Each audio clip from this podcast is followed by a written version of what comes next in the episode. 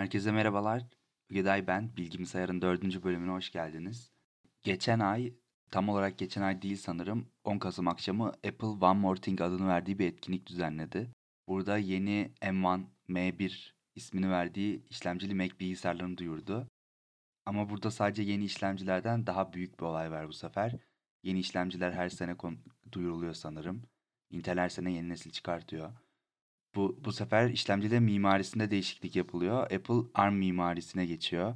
Aslında çoğumuzun günlük hayatında farkında olmadan daha sık kullandığı bir mimari ARM. Telefonlarımızın çoğu hatta hemen hemen hepsi diyebiliriz bu mimaride. Ve benim kişisel görüşüm Apple'ın bu geçişinin bilgisayarların geleceği açısından çok büyük bir önemi de var. Yanlış anlaşılmasın bu işin uzmanı falan değilim tabii ama beni bayağı heyecanlandırdı bu gelişme. Bu bölümde de bunu konuşacağız. İlk olarak mimariden kastım ne? Bilgisayar mimarisi kavramı ne oluyor onu açıklayarak başlayacağım. Bilgisayarın iç komponentlerin dizilimini, fonksiyonelliğini ve özelliklerini açıklayan bir kavram. Her mimarinin amacı aslında mümkün olduğunca az enerji tüketerek mümkün olan en yüksek işlem kapasitesine ulaşmak diyebiliriz. Basitçe açıkladım tabi burada. Böylece hem daha az ısı açığa çıkmış oluyor işlemcide. Zaten biliyorsunuz ısı işlemcilerde istemediğimiz bir şey. Bununla birlikte daha iyi, çok güzel pil ömrü elde edilmiş oluyor. Telefonlarında pek öyle olmasa da bilgisayarlarında zaten çok iyiydi Apple'ın pil süre iddiası. Şimdi neredeyse iki katına çıkmış durumda bu yeni işlemcilerle. Tabi bazı mimarilerde enerji tüketiminden bağımsız maksimum işlem kapasite, kapasitesine hedeflendiği de oluyordur elbette. Bilmiyorum öyle bir şey var mı? Bugün odaklanacağımız kısım hem CPU mimarisini yani bilgisayarın beyni kısmı diyebiliriz. Hem de onun çevre elementlerini kapsıyor. Çevre elementleri ilgilendirmesinin sebebi Apple'ın yeni tanıttığı bu işlemcilerde aslında bütün bir chipset bir arada. Yani M1 ismi, M1 ismi bütün bir chipseti temsil ediyor. Yani çoğumuzun bilgisayarında olduğu gibi işlemci ve bellek ayrı konumlandırılmamış. Hafızada dahil olmak üzere bütün birimler tek bir çip üstünde bulunuyor. Buna grafik işlemcisi de dahil bu arada. Buna SoC, System on a Chip, tek çipte sistem deniyor. Bu durumu hız ve performans açısından yaratacağı farkları birazdan değineceğim. Ondan önce açıklamak zorunda hissettiğim birkaç kavram daha var. Biliyorum biraz tekniğe kayıyor bu bölüm ama hemen toparlayacağım merak etmeyin. İngilizcesi instruction set olarak geçen bir kavram var. Türkçesi komut kümesi diye geçiyormuş. Bu kavramların Türkçelerine pek aşina değilim kusura bakmayın. O yüzden bir yandan internetten kontrol ederek ilerliyorum. Bunların kısaltmaları RISC ve CISC olarak geçiyor. Complex Instruction Set ve Reduced Instruction Set olarak ikiye ayrılmışlar. Bunlar da karmaşık komut kümesi ve basitleş basitleştirilmiş komut kümesi diye çevrilmiş. Komut kümeleri de belirli bir işlem yürütme ünitesini kullanarak işlemciye bellekle bellek yazmaçları arasında veri taşımaya ya da bir hesaplama yürütmesi için yardımcı oluyor. Yani iki konuda yardımcı oluyor işlemciye aynı anda. Burada memory ile register'lar arasındaki köprü olma görevi de önemli yani. Bellek yazmacı da İngilizcesi register. Onu da şu şekilde açıklayayım kısaca. Bu Microsoft Excel'i düşünün. E, mutlaka kullanmışsınızdır. Oradaki her bir hücreyi bellek yazmacı yani register olarak kabul edelim. Tablonun tamamında bütün bir bellek yongası olarak düşünebilirsiniz. Yani o hücreler arasındaki veri taşınmasını sağlıyor instruction setler. İşte bu yeni tip işlemcilerde Apple aslında ARM mimarisine geçerek komut setindeki değişikliğe gitmiş oluyor. Yani isim değiştirmekten çok daha köklü, daha derinde bir değişiklik yapılıyor burada. Tabii bunu canı sıkıldığı için durduk yere yapmıyor Apple ya da Intel'le anlaşmazlık çıktığı için yapmıyor. Apple artık neredeyse uzmanı olduğu bu işin riskini alabiliyor. Bunu da avantajı çevirmeyi çok iyi biliyor. ARM mimarisiyle bütün sistem tek bir çip üzerinde kurulduğunda bu mekanizma ciddi hız sağlıyor sistemlere. Böylece diğer mimarilerin çoğunda görülen BAS adını verdiğimiz bellek işlem ünitesi arasında iletişim sağlayan yapıya gerek kalmıyor. Neredeyse yok bile diyebiliriz hatta. Bu da sistemin yol yüzünden dar boğazlıkta kalmasını ciddi şekilde önlüyor. ARM'ın açılımı ise ARM'nin yani Advanced Risk Machines zaten yani risk üzerinde çalışıyor sistemler. ARM aslında Britanyalı bir şirket, bir marka yani mimariye de ismini veriyor gibi oluyor. Intel mimarisinin adı da aslında x86 ama Intel diye ünlendiğinden Intel diyoruz. Yoksa AMD'de x86'da çalışıyor elbette. Biraz kağıt mendile selpak deme durumu söz konusu bu noktada. Bu arada Nvidia'nın ARM'ı satın almıştı zannedersem. Öyle bir haber vardı. Evet kontrol ettim şimdi. Tam netleşmemiş sanırım ama anlaşma sağlanmış. Yani mobil işlemci devi grafik işlemci devine ait olmuş oldu. Ortalık karışmış biraz. ARM tipi işlemcileri gömülü sistemlerde ve telefonlarımızda görmeye alışıktık zaten. Şimdi bilgisayarlarımızda da giriyorlar yavaş yavaş. Bu mimari farkı yüzünden ARM ve Intel bazlı işlemciler birbirleri için yazılmış uygulamaları çalıştırması mümkün olmuyor. Programlama dili aynı olsa dahi geliştiricilerin derleme aşamasında iki ayrı mimar için ayrı ayrı işlem yapmaları gerekiyor.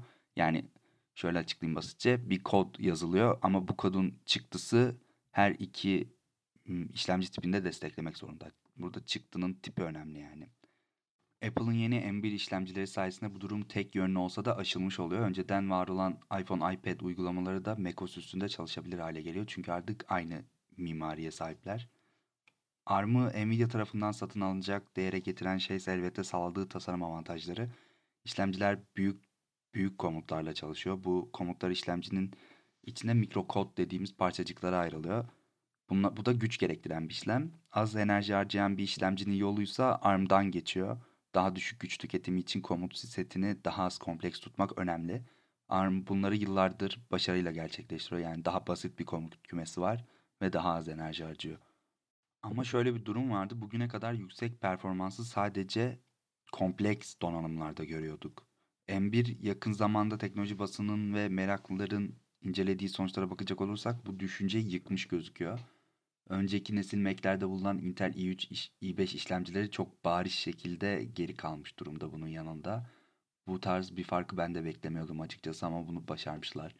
Hatta yeni mimarinin sağladığı ısı avantajını kullanarak yeni MacBook Air'lardan CPU soğutucu fanı bile kaldırmışlar. Çok şaşırdım ben bu duruma. Yani MacBook Pro ve Mac Mini'deki performans farkını sağlayan şey fan olmuş gibi görünüyor. İlk fanlı ARM işlemci Nintendo Switch'te görmüştüm ben. Bayağı şaşırtıyor onu da yapabilecekleri. Demek ki soğutmayı iyi gerçekleştirdiğinizde uçabiliyor demiştim. Telefonlarda falan görmediğimiz bir şey. Fanlı bir ARM işlemci elbette. Bu arada Nintendo Switch'in grafik işlemcisi de Tegra.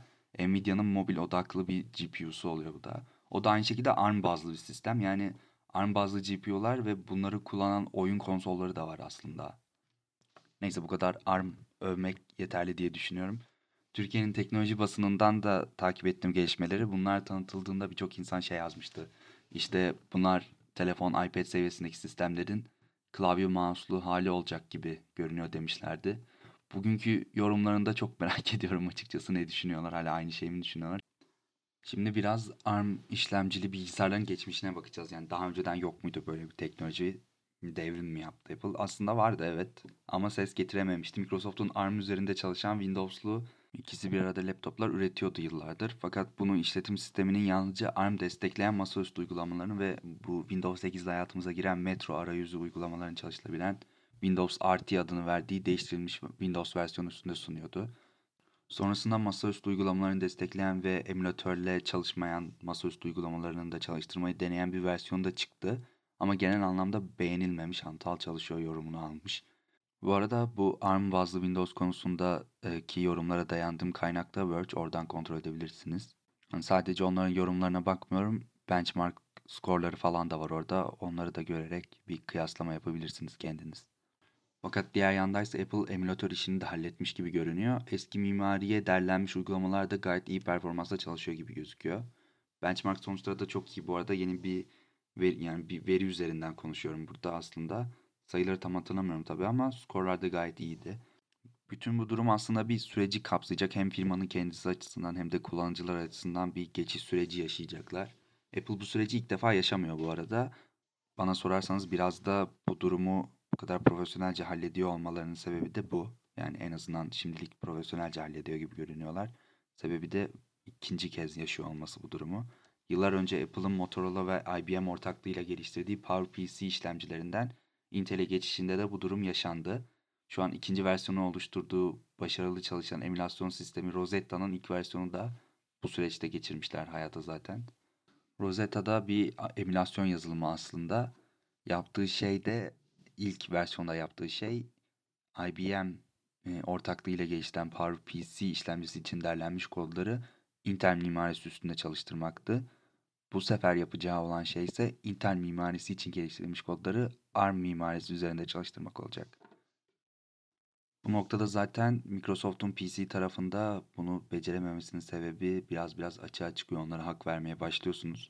Çünkü Apple aynı zamanda donanımı ve yazılımı bir arada elinde tuttuğu için çiplerini de kendisi ürettiği için bu tarz bir dönüşümü çok ateşli ve hızlı bir şekilde başlatabiliyor. Yani bir anda fırlatma moduna geçirebiliyor işlemcilerini. Ama Microsoft tarafına bakacak olursak Microsoft çiplerini Qualcomm ürettiriyor. Apple'da onları onları da yani işlemcilerini ve çiplerinin kendisini de kendi çatısı altında yapıyor. Zaten Apple'ın bu seneki geliştiriciler konferansında da Apple şeyin vurgusunu yapmıştı yavaştan artık bu yeni işlemciye geçişin sağlanması gerektiğinin vurgusunu yapmıştı. Yani yazılım geliştiricileri tarafından desteğin sağlanması gerektiğinin vurgusunu yapmıştı. Bunun için de yeni mimari tipinde işlemciler barındılar. Mac Mini'ler sağlamıştı geliştiricilere. Bunlar üzerinde zaten yazılımların çoğu yeni mimariye uygun olarak yavaş yavaş geliştirilmeye devam ediyordur diye düşünüyorum. Hazır konusu açılmışken biraz da yazılım geliştiricileri yönüne bakalım bu durumun. Apple'ın sisteminin bu kadar native olmasına alışmışlardır gerçi macOS ve iOS developerlar. Şu anki hızından da memnun gibi görünüyorlar. Bir süre için her iki tür Mac işlemcisi için de derleme alırlar büyük ihtimalle. Zamanla sadece yeni tipe uygun native app'ler geliştirmeye devam eder diye düşünüyorum. Yani benim tahminim yavaş yavaş Intel mimarisindeki Mac'lerin unutulacağı yönünde. Ama şu an için her uygulama native olarak çalışmıyor. Mesela Adobe popüler yazılımı Photoshop'u henüz beta olarak sunmakta tam sürümüne ise seneye geçileceğini belirtmiş. Yani işiniz açısından bu tarz uygulamalara bağlıysanız bir açıp bakmakta fayda var. Yeni tip Mac'lere geçmeden önce destekliyor mu diye açıp bakmakta fayda var. Dinleyenler arasında var biliyorum Intel bazı Mac kullanıcıları. Paniklemesinler yani. Apple hala Intel işlemcileri de satışta tutuyor. Uzun bir süre daha destek almaya devam edecek cihazlarınız. Ha, ama yeni bir bilgisayar arayışı içindeyseniz ve Mac'e uygun bir bütçeniz de varsa Intel'de düzgün çalışan spesifik bir uygulama ya da bağlı değilseniz bunu kullanmak zorunda da değilseniz aslında gönül rahatlığıyla yeni M1 işlemcileri de seçebileceksiniz gibi gözüküyor. Eksi yönü olarak bir de bu bilgisayarın üzerindeki Thunderbolt portlarında eksilmeler olmuş bu arada. Artık harici olarak bir tane ekran bağlanabiliyormuş sanırım. Daisy Chain diyorlardı bir de e, ekranları zincir halinde birbirine bağlayabiliyordunuz. O teknoloji de artık desteklenmeyecekmiş yeni nesillerde. Ha, bu arada yazılım geliştiriyorsanız ve geliştirme ortalamanız x86 mimarisi destekliyorsa mesela benim kullandığım web teknolojilerin çoğu öyleydi. O zaman elbette bu destek gelene kadar bu sisteme geçmemelisiniz. Ama tabii yeni bir sistemme yazılım geliştirecekseniz o noktada native test açısından geçiş, geçiş yapmak da mantıklı olacaktır. Bu konuda yazılım geliştiren ekipler için de yeni Mac Mini'nin çok tatlı olacağını düşünüyorum ben. Biraz zaman geçsin belki tekrardan dönüp bu değişimin yazılım tarafına yaptığı etkilerine tekrardan bir göz atmak gerekebilir. Tabii şu an herkes çok heyecanlı, çok beğenildiğini söylüyorlar bu sistemin özellikle Mac geliştiricileri tarafından. Ama belki de ileride beğenmeyecekler ya da sorunlarla karşılaştıklarını belirtecekler bilemiyoruz tabii. O zaman dönüp bir tekrar konuşmamız gerekebilir işte. Evet bir bölümün de sonuna geldik. Herkesi eğlendiren ve ilgilendiren bir bölüm olmadığını ben de farkındayım. Biraz donanımın ve yazılımın tam iç içe geçtiği noktadaydı bu konu.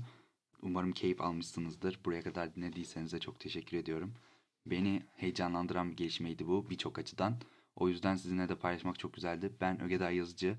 Bana her zaman bilgimsayar.com üzerinden ya da Instagram'dan bilgimsayar pod kullanıcı adıyla ulaşabilirsiniz. Kendinize çok iyi bakın. Hoşçakalın.